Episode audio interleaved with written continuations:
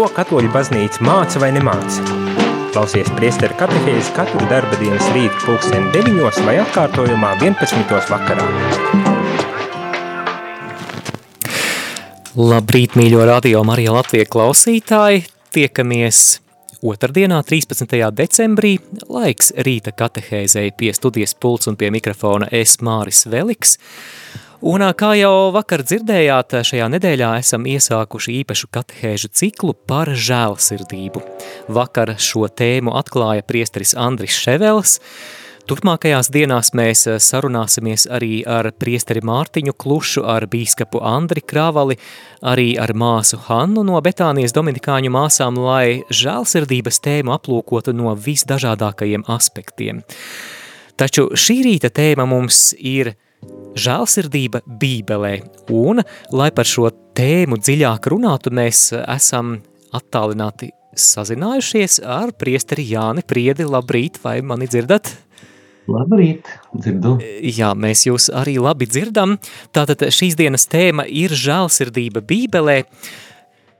Es vēlos sākt ar jautājumu.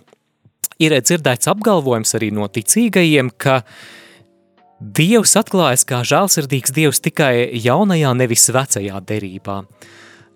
Kā jūs, priesteri Jāni, komentētu šādu apgalvojumu? Vai tam ir pamats, vai tomēr arī vecajā derībā ir runāts eh, arī dzen par Dieva žēlsirdību? Protams, Dievs ir ārkārtīgi žēlsirdīgs, eh, jo un vienmēr tāds ir bijis. Un arī par sevi centies eh, ļaudīm dot iespēju uzzināt jau vecās darbības laikā. Dieva žēlsirdība ir viscaur vecās darbības tekstos. Ja lasām psalmus, tad uh, tur ir nepārtraukti apžēlojies par mani kungs un mm, par Dieva žēlsirdību. Bet, ja mēs skatāmies kaut vai pašas pirmās uh, Bībeles nodaļas, pašas pašas pirmās, tad jau tur parādās milzīgā Dieva žēlsirdība.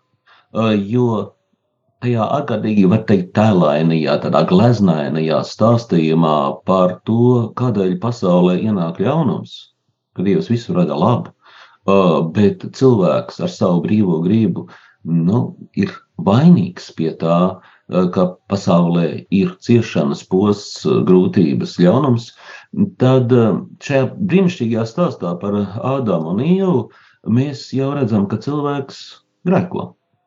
Cilvēks grēko un ļoti nopietni grēko. Viņam viss ir dots, viss ir tik brīnišķīgi, bet, bet, bet nu, tomēr, ja nepaklausīt dievam, nu tomēr. Tādos apstākļos, kad nu, Ādamam tiešām ir arī pats zināšanas, un cilvēks tomēr rīkojās pēc savas absolūti brīvas gribas nepareizi. Un kas notiek? Kas, teiksim, būtu, ja Dievs nebūtu žēlsirdīgs? Nu, Nu, tad, eh, nu, priekš kam tāds cilvēks vajadzīgs? Ja viņš nevar tik daudz tādu sīkumu paklausīt, tādu sīkumu paklausīt, ja viņš grib pats būt kā dievs, nu, tad, nu, priekš kā dievam ir vajadzīgs tāds cilvēks, kas grib būt dievs? Uh, bet dievs ir tik ārkārtīgi žēlsirdīgs, ka viņš neiznīcina to savu radīto cilvēku. Um, un visas cilvēku paudzes, kas nāk pēc tam, un es saku, nu tagad varbūt radīsim kaut ko labāku. Ja? Nē, Dievs uh, dod iespēju laiku Ādamam un Ievai atgriezties, proti, nu, meklēt vēlreiz Dievu. Dievs meklēja Ādamu un Ievu, un Ādams bija paslēpies. Uh, bet Dievs dod viņiem laiku meklēt līdz, līdz mūža beigām un visai cilvēcei devis iespēju meklēt Dievu un saprast, ka viņš ir žēlsirdīgs. Un nevien tas, ja, nevien tas tajā pašā stāstā par Ādamu un Ievi šis brīnišķīgais apsolījums, ka Dievs sūtīs pestītāju, proti, kas samīs šo čūsku, ja, un kur vēl lielāku žēlsirdību iedomāties, ka pasaules radītājs? Sūta savu vārdu, logosu, ar ko visa pasaule ir radīta, lai izglābtu savu radījumu, lai nomirtu kā cilvēks, Kristus mirst kā cilvēks par savu radījumu. Tas būtu tāpat, ja teiksim, nu, podnīgs vai kāds meistars, nu, viņš izgatavo mālu trauku, nu, un tā māla trauka dēļ atdod savu dzīvību. Nu, tas nav trauks, tas drusku ieplīsis. Un kā viņi tagad padarīt labu? Nu, atdod savu dzīvību. Māla trauka dēļ. Nu, un tāpat tā dara Dievs attiecībā pret cilvēku. Uh, apsolīdams uh, pestītāju un viņu sūtīdams savu vārdu un atdodams dzīvību. Tātad Dieva žēlsirdība ir viscaur uh, vecās darības tekstos un, protams, jaunajā darībā. Jā, tātad žēlsirdība viscaur šajā pestīšanas stāstā. Jūs jau minējāt arī Bībeles pašas pirmās nodaļas radīšanas un grēkā krišanas stāstu. Protams, mēs arī varam apgalvot, ka Dieva žēlsirdība caurstrāvo arī turpmāko vecās derības vēstījumu. Tā parādās gan pie praviešiem, gan arī psalmos mēs lasām par Dieva žēlsirdību. Jā, varbūt jums vēl nāk prātā, ja mēs pagaidām pieturamies pie vecās derības, kur vēl mēs varam redzēt šo Dieva žēlsirdības aspektu? Nu, drīzāk jājautā, kur to nevar redzēt. Protams, protams varbūt es tikai tādu pievērstu uzmanību, ka vecajā derībā ļoti skaidri parādās tas, ka Dievs ir žēlsirdīgs un vienlaikus arī taisnīgs.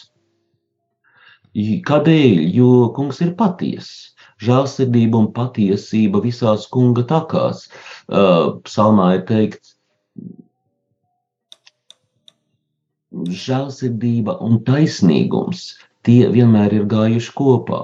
Un vecā derība uh, tā pedagoģiski ļoti skaidri parāda, tautai, ka no vienas puses Dievs ir žēlsirdīgs, un no otras puses Dievs ir absolūti taisnīgs. Proti, Dievs arī soda. Un tieši tas soda aspekts vecajā darbā parādās, es teiktu, skaidrāk, uzskatāmāk, uzskatāmāk nekā jaunajā darbā. Jaunajā darbā par to Dievs runā, Jēzus par to runā bet uh, vairāk mēs saskatām uh, šo ārkārtīgi žēlsirdīgo attieksmi no Jēzus puses.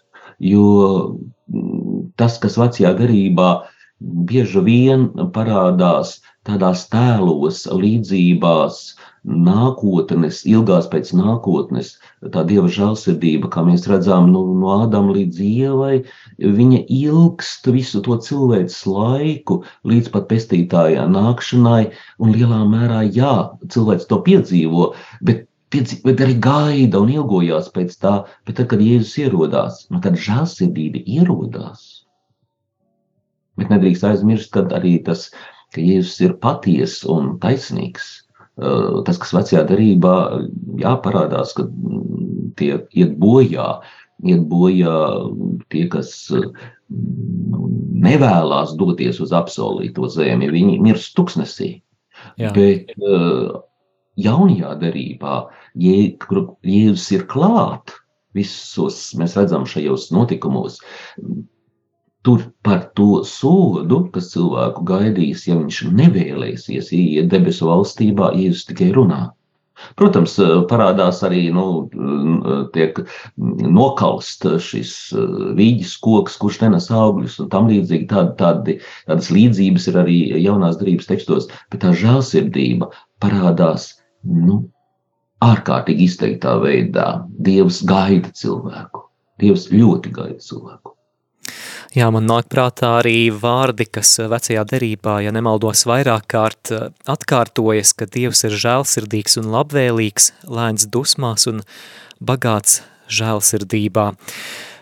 Bet runājot par raidījuma sākumā minēto aizspriedumu par to, ka vecā derība ir nežēlīga, ka Dievs tur ir tikai taisnīgs, ka viņam pietrūkstā žēlsirdības, Kā varbūt jūs, priestri Jāni, ieteiktu runāt ar kādu draugu, kurš diskusijā par ticības lietām pārmet, ka, nu, bet taču tur tik daudz vardarbības. Ēģiptiešu un faraona karapulks noslīgs sarkanajā jūrā saskaņā ar dieva gribu. Grēku plūdi, Sodoma un Gomora tiek apliet ar karstu sēru un, un uguni. Kā mēs šodien, kā kristieši, varam interpretēt šīs raksturvietas, kas runā par nepārprotamu dieva taisnību un par sodu attiecīgi?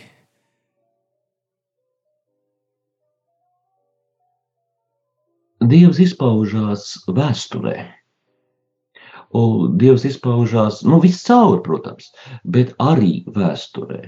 Un vecā derībā aprakstītā ebreju eh, tautas vēsture kalpo par tādu labu paraugu, proti varmācība ir visos laikos.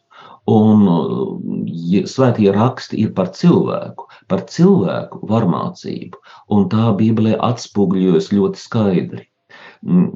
Gan karu aprakstos, gan nežēlību aprakstos. Um, svētie raksti nav tā nokrituši no gaisa un runā tikai par um, dievkalpojumu debesīs. Nē, viņi runā par ceļu, uh, kuru cilvēki iet un dodas uz debesīm visos laikos.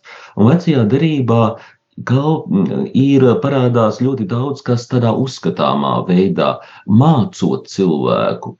Piemēram, uh, nu, templis Vecajā darbā ir templis, kurā notiek dievkalpojumi, kurā notiek upuri. Jā, dzīvnieku upuri, mm, kāzu vēršu un tā tālāk upuri. Bet eh, jaunajā darbā šāda tempļa vairāk nav. Jo mēs redzam, ka vecās darbības templis ir tāda kā līdzība eh, tām, kas notiks jaunajā. Ja jūs pats runā par reālu templi, kas ir vēsturē, geogrāfiski ir reāls templis, viņš saka, nu nojauciet šo templi un trijās dienās to uzcelšu. Un ļaudis to nesaprot. Viņi saka, nu, 40 gadu šis templis celts, kā tu trijās dienās to uzcelsi. Bet Jēzus Jānis saka, runāja par sevi. Viņš ir šis templis tagad jaunajā darībā. Un tie līdzīgā veidā, līdzīgā veidā ir jāsaprot ļoti daudz šie notikumi, kur mēs bieži vien saskatām šos nežēlību, Piemēram, nu, eģiptieši, eģiptieši, kuri pielūdz elkus, nevis dievu, bet uh, eģiptieši, kuri tajā laikā pielūdz elkus, kuri vajā uh, taisnīgus cilvēkus, kuri vajā dievu izredzēto tautu, viņi mirst, uh, mirst, viņi tiek noslīcināti. It kā šausmīga nežēlība.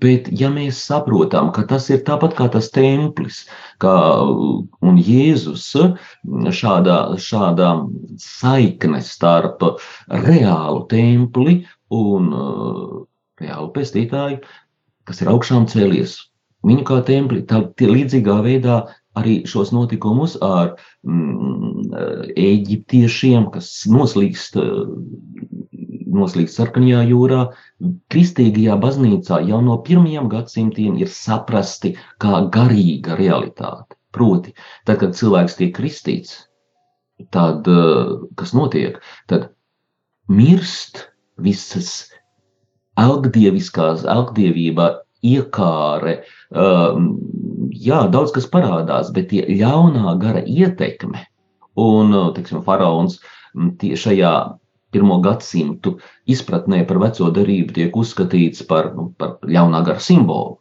Uh, ar saviem karavīriem, ar saviem demoniem, varētu teikt, uh, tas tika iznīcināts. Kristības sakramentē tas zūd. Uh, proti, cilvēks tiek atbrīvots no Eģiptes verdzības, no pakļautības šiem nu, demoniem.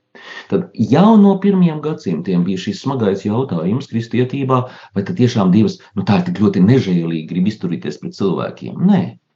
Šis stāsts ļoti labi parāda to, kā Dievs atbrīvo cilvēku no visa, kas ir ļauns. Un, jā, tas ir tāds simbolisks izpratne. No otras puses, protams, šajos stāstos parādās arī tā realitāte, ka ļaunums tiek sodīts. Ja, Sodoma un Gomora ļaunums tiek sodīts. bet visu laiku nāk klāt šī ies, žēlsirdīgā iespēja nu, tomēr izglābties. No Dievs nesodīja, ja nesodīja Sodomu un Gomoru, vai šie eņģeļi nesodīja Sodomu un Gomoru, tāpēc, ka nu, tur bija labi cilvēki. Nē, labi cilvēki devās ārā. Dievs pat apsūdzīja, ja būs 50 labu, tad vispār visus, visus atstās nu, dzīvus. Jā. Bet nebija tie 50, pat ne 10. Nu jā, un viņi devās projām no šīs pilsētas. Tad, proti, tas, kas ir absolūts ļaunums, un Sodoma un Homora šajā gadījumā simbolizē absolūtu ļaunumu, šādu vēršanos ne tikai pret viesiem, ja, kas atnāk uz Sodomu Gomoru, ne tikai pret, mēs mūsdienās teikt, imigrantiem, bet šādā vēlēšanās pretdabīgā kārtā, nu, viņus, eh, viņus izvarot. Tas, eh, tas, tas ir tik drausmīgs grēks, ka arī atmaksa ir tūlīt. Jā, šis aspekts parādās, bet arī jaunajā darbā, kur Jēzus runā par eh, pastaro tiesu, par to, kuri būs labajā pusē pie viņa rokas un kuri kreisajā, proti tajā pazušanā uz visiem laikiem. Jaunā garība, es neteiktu, ka būtu daudz žēlīgāka pret tiem, kuri paši pret sevi ir nežēlīgi. Ja, jo eh, ne jau Dievs grēko mūsu vietā, ne jau, ne jau, ne jau eh, Dievs bija tas, kurš uzbruka nu, šiem viesiem Sodomā un Gomorā un mēģināja viņus uh, jā, izvarot. Nē, to darīja cilvēki, un cilvēki tiek sodīti. Tas ir visā pasaulē tā notiek līdz pat mūsdienām. Jā.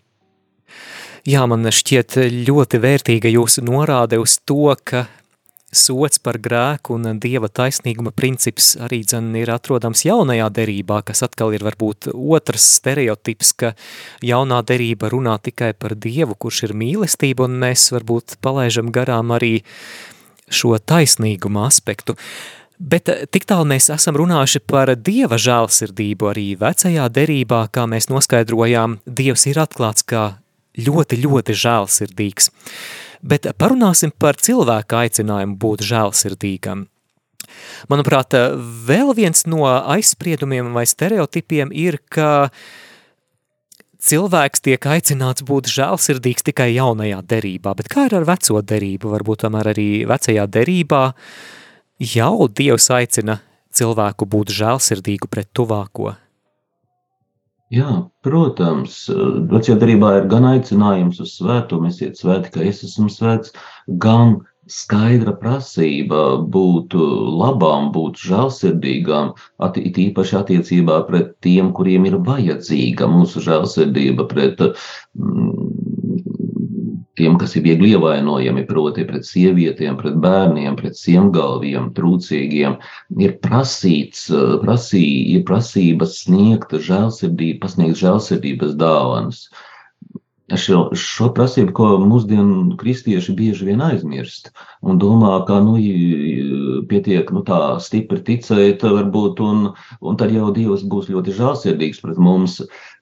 Bet Dievs no mums prasa, lai mēs būtu žēlsirdīgi. Ja, Dievs piedod, bet viņš vispirms prasa, uh, piedod, mēs lūdzām, piedod mums mūsu parādus, kā, kā arī mēs piedodam saviem parādniekiem. Dievs mums piedod, ja mēs piedodam. Dievs ir žēlsirdīgs, ja mēs esam žēlsirdīgi pret citiem. Bet, ja mēs nu, tā sakām sirdī, ja es esmu žēlsirdīgs, tad jau, tad jau tur nekas nesanāk. Jāsaka, tā, nu, tad, tad ir tā kā mūsu, var teikt, klasiķa dzējā. Rainis bagāts viņš, bet mīkstu sirdi, par grūdienīšu raudām, ja? tūliņ kabatā vāž roku izvelk savu nēsto dziņu. Mēs varam teikt, ka mēs teikt, esam šausmīgi žēlsirdīgi un raudam pie katras sentimentālas filmas, bet, bet vai mēs esam žēlsirdīgi pret citiem? Jā, man te izdevās uzšķirt arī atkārtotā likuma grāmatas 15. nodaļu, vai uh, klausītāju bībelēs droši vien tā ir kā piektā mūzes grāmata, un uh, Vēlos arī nolasīt fragmentu, kur, manuprāt, ir nepārprotams aicinājums uz žēlsirdību pret tuvāko. Lasīšu no septītā panta. Kad tavā starpā būs kāds nabaks vīrs, viens no taviem tautas brāļiem, kādos tavos vārtos tavā zemē, ko tas kungs tavs dievs tev dos, tad neapcietini savu sirdi un neaizslēdz savu roku sava nabaga brāļa priekšā, bet atvērdams atver viņam savu roku un aizdodams aizdod viņam tik, cik viņam vajag trūcībā. Jā, un šādas līdzīgas rakstu vietas mēs arī vēl daudz vecajā derībā atrodam, bet runājot par, jā, varbūt jums piebilstams, kas... Jā, tikai, ka vecajā derībā, protams, ja tas brālis attiecās uz uh, to līdzcietību savas tautas brāļu vidū, jaunajā derībā šī mīlestība attiecās uz visu cilvēci. Vecajā derībā bija teikts, ka Dievs būs žēlsirdīgs pret visiem. Ja? Tāpēc Jonas grāmata, kā Dievs sūta savu nepaklausīgo pravieti pie ninīviešiem, Dievs grib būt žēlsirdīgs uh, un rādīja, ka viņš vēlas būt žēlsirdīgs pret visām tautām, bet vecās darības noteikumi attiecās mm, uz dzīvi ebreju vidū. Un arī šī žēlsirdība bija uh, uz, uz uh, tā žēlsirdība, kas ir ebreju vidū. Jēzus, piemēram, ka viņš nāk, pas, nāk, viņš nāk pie savas ebreju tautas, un pamatā viņš dziedina uh, ebreju tautā uh, aplos, klibos, uh, sludina tajā, bet savus apustuļus Jēzus sūta pa visu pasauli. Ja, ejiet pa visu pasauli. Te ir teiks, Jēzus apvieno šīs vecās derības, var teikt, ieslēgtību savā tautā un atver to visai pasaulē ar šo savu nu, sūt, apstuļu sūtīšanu. Te var būt vienīgi tā atšķirība par žēlsirdību, kas ir vecā darībā, vienas tautas ietvarā un jaunajā darībā, kas attiecās uz visiem cilvēkiem, kas ir brāļi un māsas. Mm, jā, man te nāk prātā, klausoties jūsos, eh, Jēzus stāstītā līdzība par žēlsirdīgo samarieti, kur vispirms tiek uzdots jautājums, kas tad ir mans tuvākais, un tad caur šo līdzību Jēzus norāda, ka šis eh, tuvākā jēdziens ir paplašināms uz, uz ikvienu, pat uz, uz tiem, kam, eh, kam pēc kādām tā laika kultūras kādām īpatnībām vai kādie, kādiem priekšstatiem par citām tautībām, kas it kā būtu citādāk izslēdzami. Bet es vēlos arī atgādināt klausītājiem, ka viņiem ir iespēja iesaistīties ēterā, varbūt arī viņiem ir kādas pārdomas vai arī jautājums, ko par Dieva žēlsirdību vēlētos uzdot priesterim Jānim Priedem, kurš ir mūsu šī rīta katehēzes viesis, un tādēļ es atgādināšu kontaktinformāciju Ja studiju vēlaties sazvanīt, zvaniet uz numuru 67 969 131. 67 969 131. Ēters ir jūsu rīcībā. Savukārt, ja savu jautājumu vēlaties uzrakstīt, tad sūtiet īziņu vai WhatsApp ziņu uz numuru 266 77 272. Protams, arī varat izmantot e-pasta iespēju studija – at rml.lv. Dodamies mūzikas pauzītē, lai pārdomātu nu pat dzirdēto un pavisam drīz būsim atpakaļ ēterā, lai turpinātu sarunu par žēlsirdību bībelē.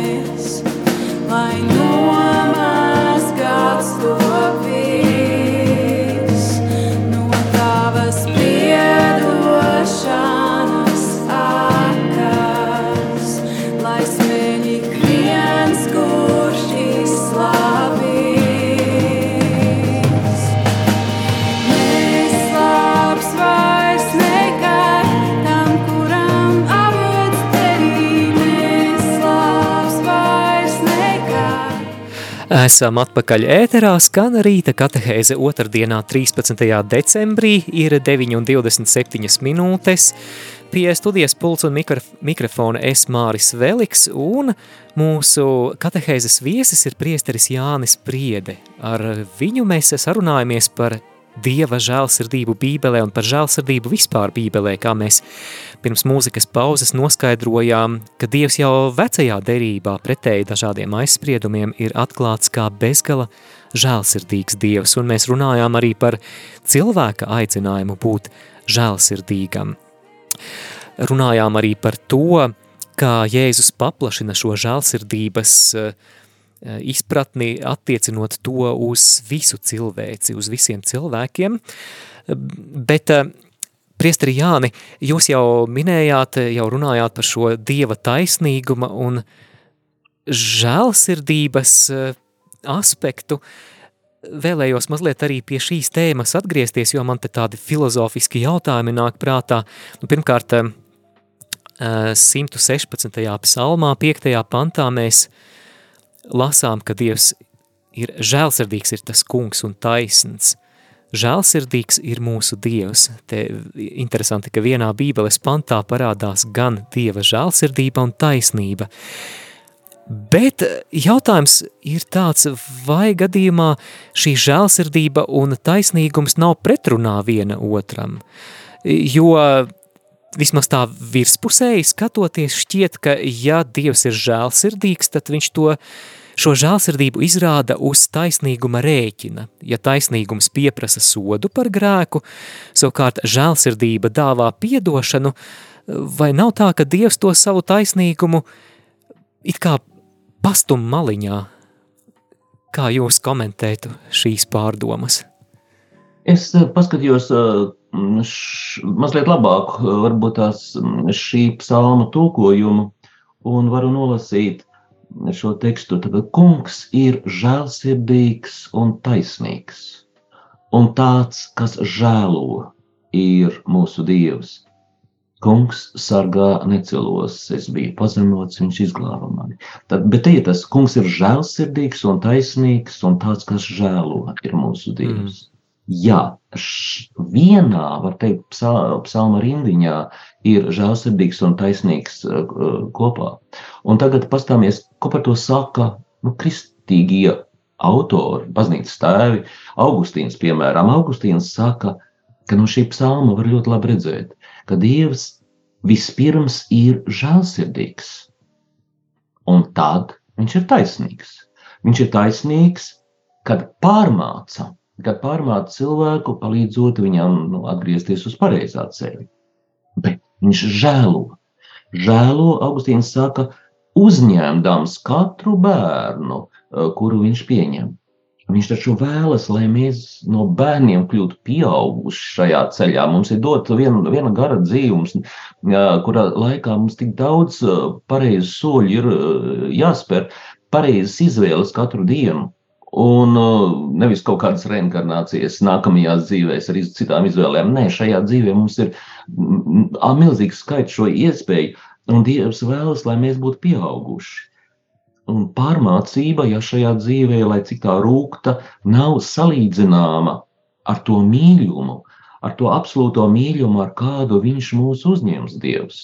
To saka apstults Pāvils žēlsirdība un taisnīgums pret mums, mūsu dzīvē, ir ārkārtīgi līdzsvaroti.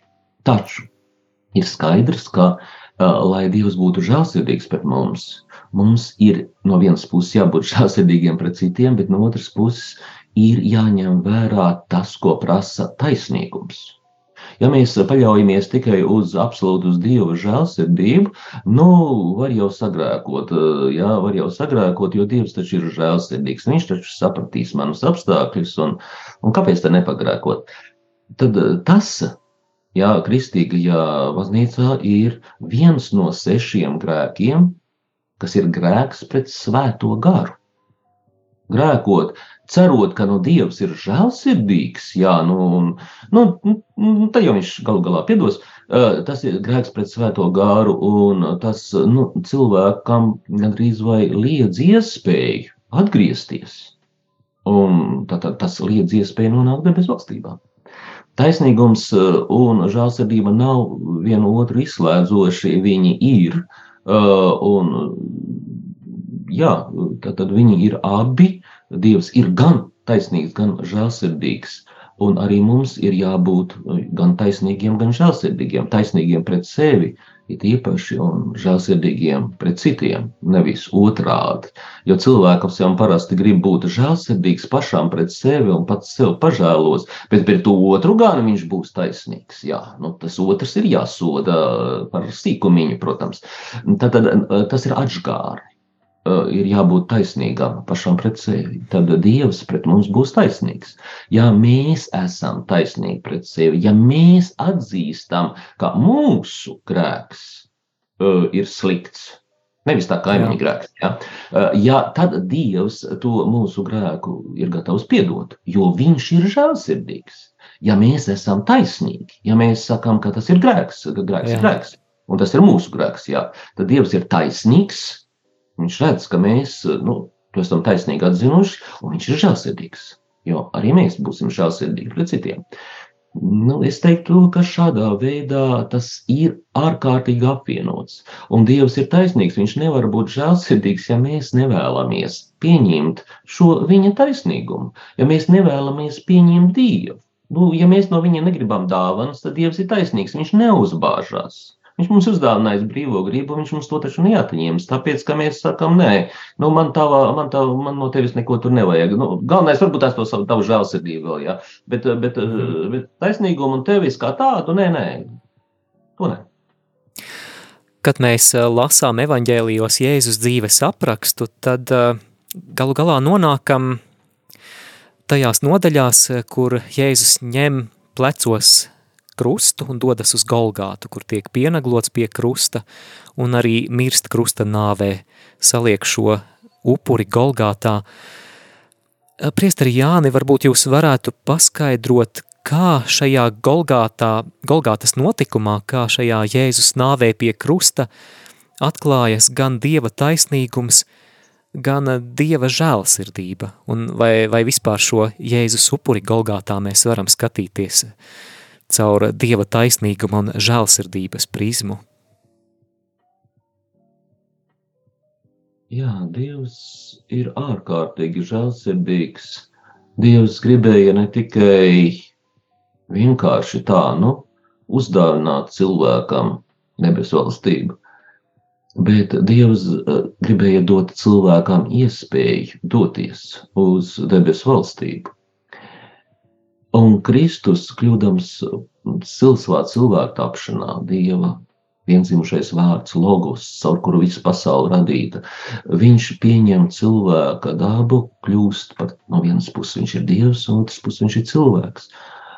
Un viņš uzņemās visu cilvēka dabu, proti cilvēka dabu, tas visā būtībā, ar to, ka cilvēks piedzimst, ar to, ka cilvēks nomirst Tas nebija tā, ka Kristus kādu laiku pavadīja kopā ar mums, un tad, nu, tad labi, nu, tad uz, uz tikšanos uh, es jau tādus mokas kā krustinā neuzņemšos. Ne? Kristus rādīja mums piemēru, kā par patiesību pienākas arī nomirt. Viņš mīra par patiesību, par dievišķību. Viņš Jā, viņš mirst par to, ka viņš sauca sevi par Dieva dēlu. Jā, tas bija tas pārmetums viņam, ka viņš nosauca sevi par Dieva dēlu, un viņš nevarēja teikt, nē, es neesmu Dieva dēls. Ne, viņš mirst par patiesību. Viņš mirst cilvēku dēļ. Tad die, tā parādās ārkārtīgais no vienas puses taisnīgums un patiesums, un otras puses ārkārtīgā žēlsirdība. Jo Kristum mirstot, Kristum, Kristus mirst, viņš tajā brīdī, kas notiek, Kristus, var teikt, ir viņa dvēsele, Kristum mirstot nonāk pie mirušajiem, pie tiem, kas bija gaidījuši mirušo valstībā pestītāju, pie iepriekšējām paudzēm, praviešu, praviešiem, pie, pat pie Ādama un Ievas, varētu teikt, viņš pie visiem tiem, kas viņu bija gaidījuši, tiem, kuriem Dievs bija apsolījis savā žālsirdībā pestītāju, viņš tagad ir tur, jo viņš ir miris. Ja, un un, un mirušo valstība pārvēršas. Tā vairs nav tāda mirušo valstība, kur gaida, bet tā ir tur, kur varbūt kur ir kopā ar Kristu. Viņš ir arī tur, pie, pie mirušiem. Tā, arī tā ir žēlsirdība pret, pret visiem, kas bija gaidījuši. Nav tā, ka Kristus atnāk, jā, un tad laimīgi tie, kas dzīvo viņa laikā, un drusku pēc tam tie, kas iepriekš bija viņa gaidījuši, nu, nu, nu par jau nekā darīt, jā, viņi jau Kristu ne, neredzēs. Tu parādās Dieva žēlsirdība, un Dieva žēlsirdība parādās vēl tālāk. Kristus ar savu augšām celšanos, proti viņa cilvēka, cilvēka daba, augšām celtais ķermenis dod iespēju arī mums, kā cilvēkiem, augšām celties un būt integrāliem cilvēkiem augšām celšanās brīdī. Integrāliem tas nozīmē ar miesu un dvēseli. Atgriezīsimies. Mm, arī te izpaužās ārkārtīgā, var teikt, nu, dieva žēlsirdība pret cilvēkiem. Dot šo iespēju ne tikai dvēseli līdz glābšanu, bet, bet arī augšām celsimies pēc šīs nāves, Kristus uzņemas šo nāvi. Ko vēl gan vairāk var redzēt, kā šajā Kristus upurī, kā Dievs, kas atdod dzīvību par cilvēku, ja, par savu radību, par katru cilvēku. Tā ir žēlsirdība. Atgādinu klausītāji, ka sarunājamies ar priesteri Jāni Priedi, runājam par žēlsirdību Bībelē, un droši vien klausoties šo katehēzi arī tev ir radušās kādas pārdomas, varbūt tev ir kādas neskaidrības vai jautājumi, droši izmanto vēl dažas minūtes tavā rīcībā ir, tādēļ droši iesaisties, atgādināšu kontaktu informāciju Studiju var sazvanīt zvanot uz numuru 67 969 131, atkārtoju 67 969 131, bet tālrunis īziņām un WhatsApp ziņām ir 266 77 272, bet kamēr mēs gaidām klausītāju jautājumus, Jūs, priestri Jāni, jau minējāt Jēzus vārdus, ne, manuprāt, jūs minējāt vecās derības citātu, esiet svēts, kā es esmu svēts, un jaunajā derībā atkal Kalnas prediķī Jēzus kaut ko līdzīgu atkārto, ka esiet svēti, kā jūsu debesu tēvs ir svēts, un tad vēl arī piemēram, mēs vēstulē efeziešiem 5. nodaļā, 32. pantā lasām, bet esiet cits pret citu laipni un žēlsirdīgi, piedodiet cits citam, kā arī Dievs Kristu jums ir piedevis. Man šķiet, ka šajās rakstu vietās mēs redzam, ka paša Dieva žēlsirdība ir kā paraugs, uz ko tiekties, jeb kā mēraukla mūsu, kā cilvēku aicinājumam uz žēlsirdību.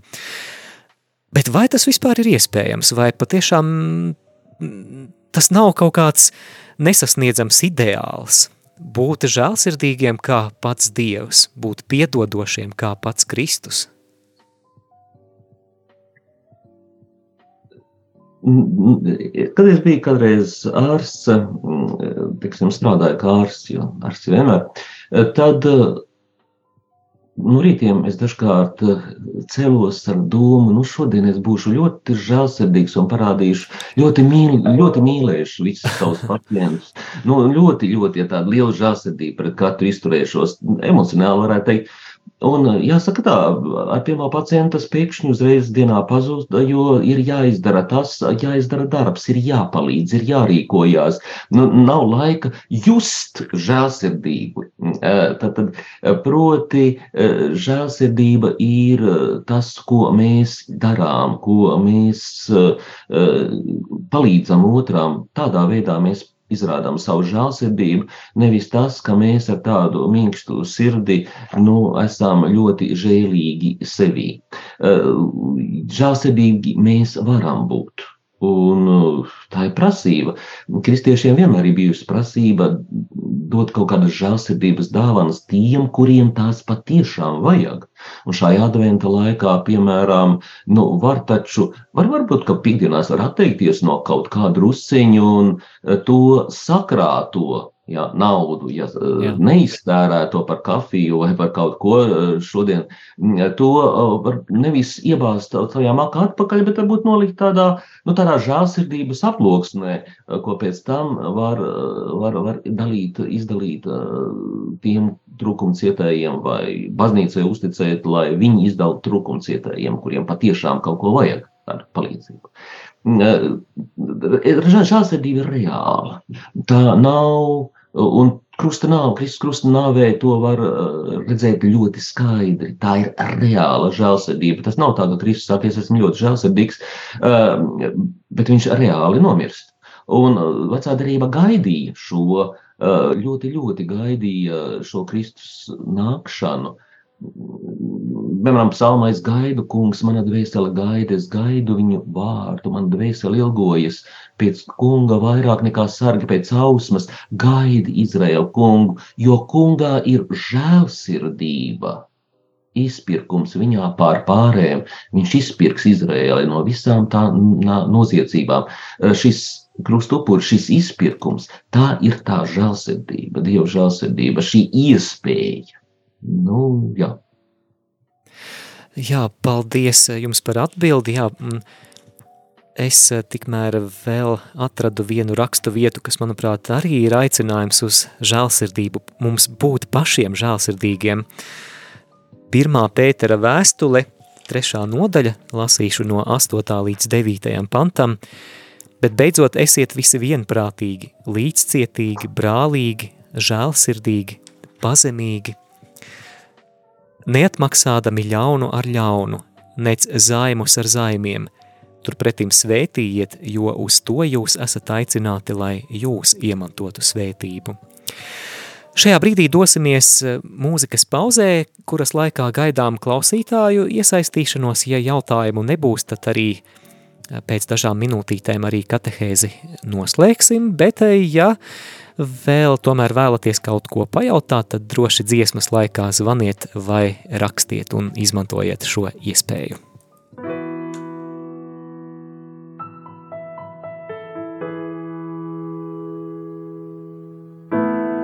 Kristus tevi ieselē dori mani svātu, Kristus mīsa atpestei mani, Kristus sasnīs dzirdināja mani.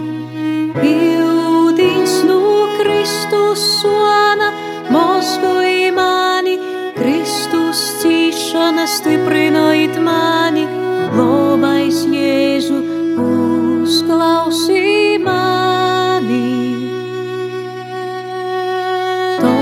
Tavos braucējs pasliep mani, naļaun šķērtīs mani no tevis, labais Jēzu. Labais Jēzu, tavos brīvcīs pasliep mani, naļaun šķērtīs mani no tevis, labais Jēzu. Labais Jēzu. 稣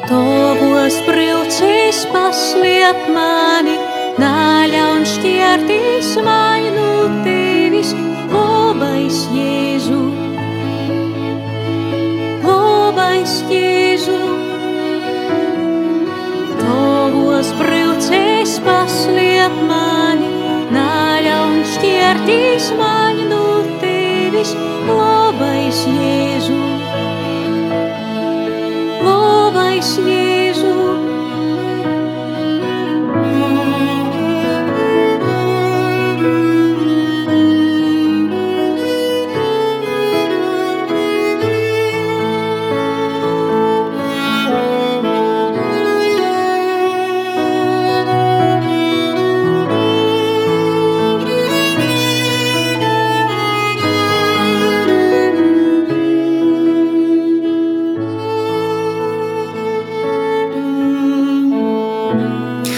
Dzirdējām Lauras Bicānes dziesmu Kristus dvēsele ir 9,48 minūtes, savai izskaņai tuvojas katehēzes stunda.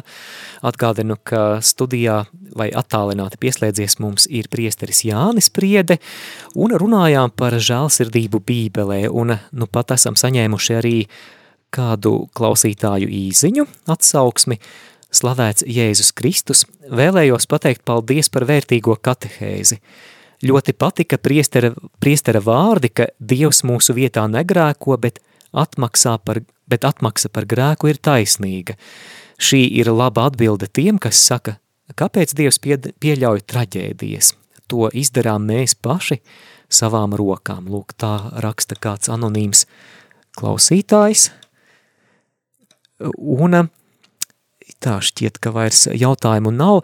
Varbūt noslēgumā, priestri Jāni, uh, Vai vēl ir kas piebilstams par žēlastību, jo, par žēlsirdību, jo es saprotu, ka par šo tēmu var doktora disertāciju rakstīt, un, protams, ka mēs vienas katehēzes laikā nevaram visu šo tēmu izsmelt, bet varbūt tomēr ir kāds aspekts vai, vai kāds aicinājums vai kāda lieta, uz ko vēlaties vēl katehēzes noslēgumā norādīt par žēlsirdību.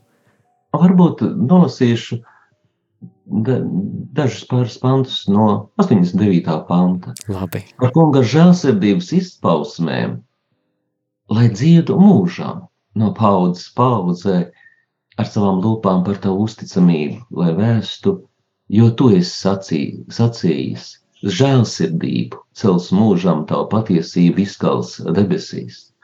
Un kristiešiem ir tas brīnišķīgais apsolījums, ka Dievs bija apsolījis sūtīt uh, pestītāju, un psalmā ir teikts, tas pravieto par Jēzu, viņš mani sauks, tu esi mans tēvs, mans Dievs un mans pestīšanas balss, bet es, es viņu iecelšu par pirmdzimto augstāku karaļiem zemes vidū, es būšu žēlsirdīgs pret viņu mūžam, un tad tas ir solījums, kas attiec uz mums, kas esam, mēs esam, nu, Dieva dēli, bērni.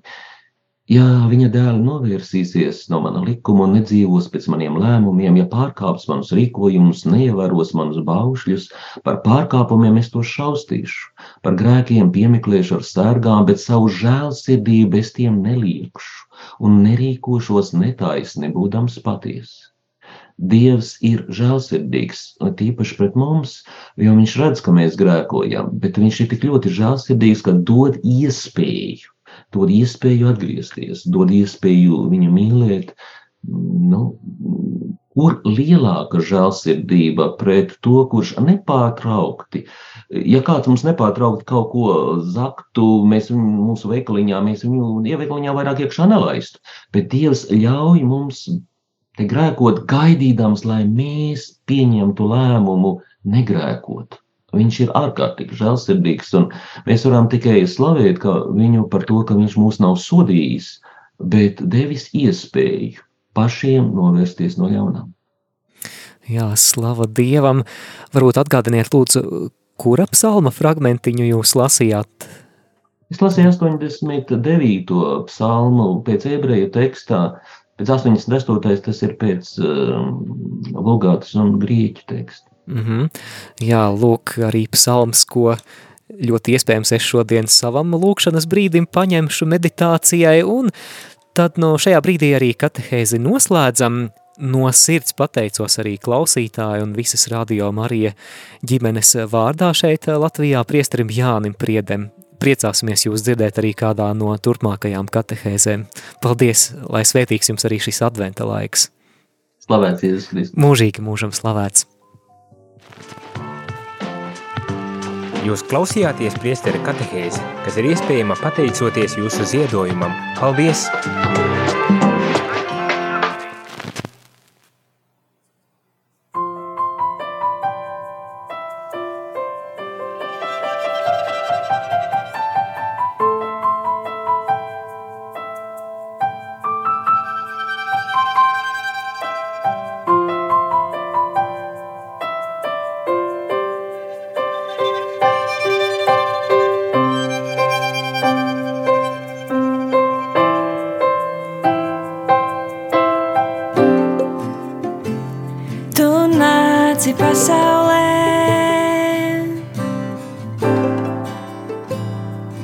tumsā sāpēzīmī.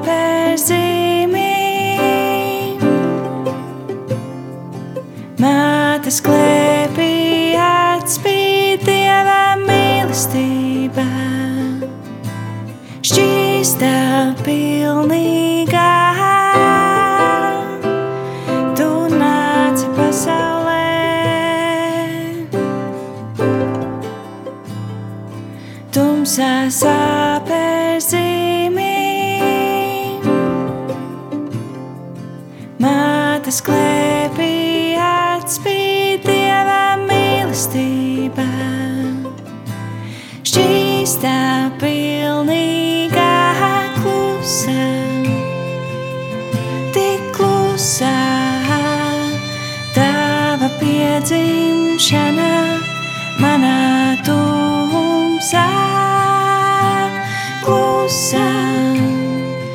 pazemīgi klusā, tava atnākšana, Kristus.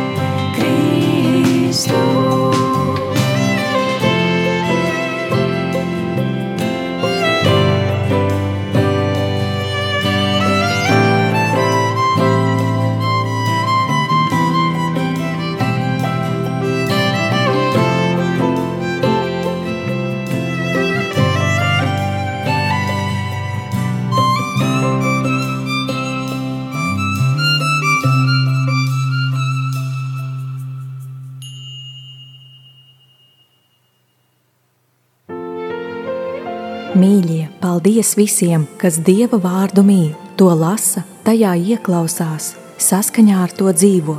Ik katru, kas to patiesi meklē, Dieva vārds sasniegs. Tieši tajā valodā, kas meklētājam saprotama, tādā veidā, kas cilvēkam pieņemams, un tajā laikā, kad viņš tam patiešām būs gatavs.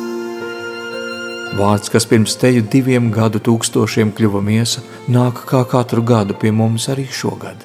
Meklējiet Jēzu, kamēr viņš ir tuvu. Dieva žēlastībām piepildītu adventa laiku, novēl mieram tuvu audio komanda.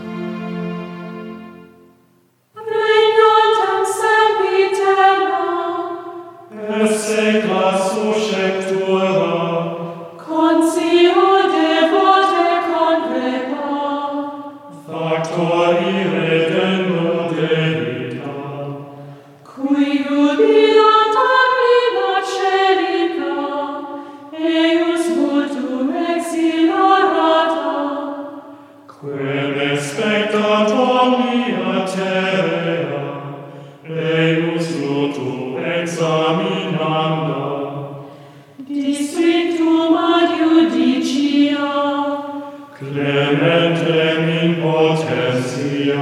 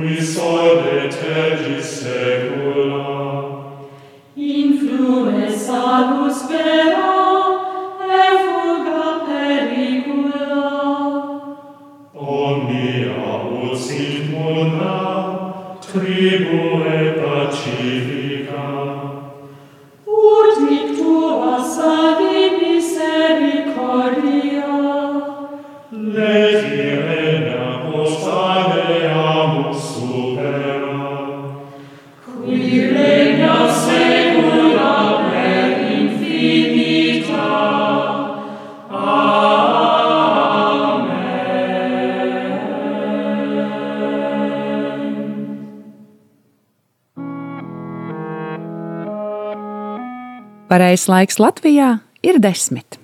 Radio Marija. Tu klausies Radio Marija Latvija. Adventa kalendārs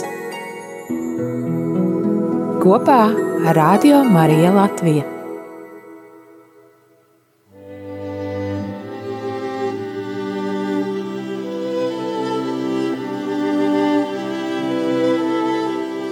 13. decembris. Lasījums no Mateja evaņģēlija 11. nodaļas 10. pants.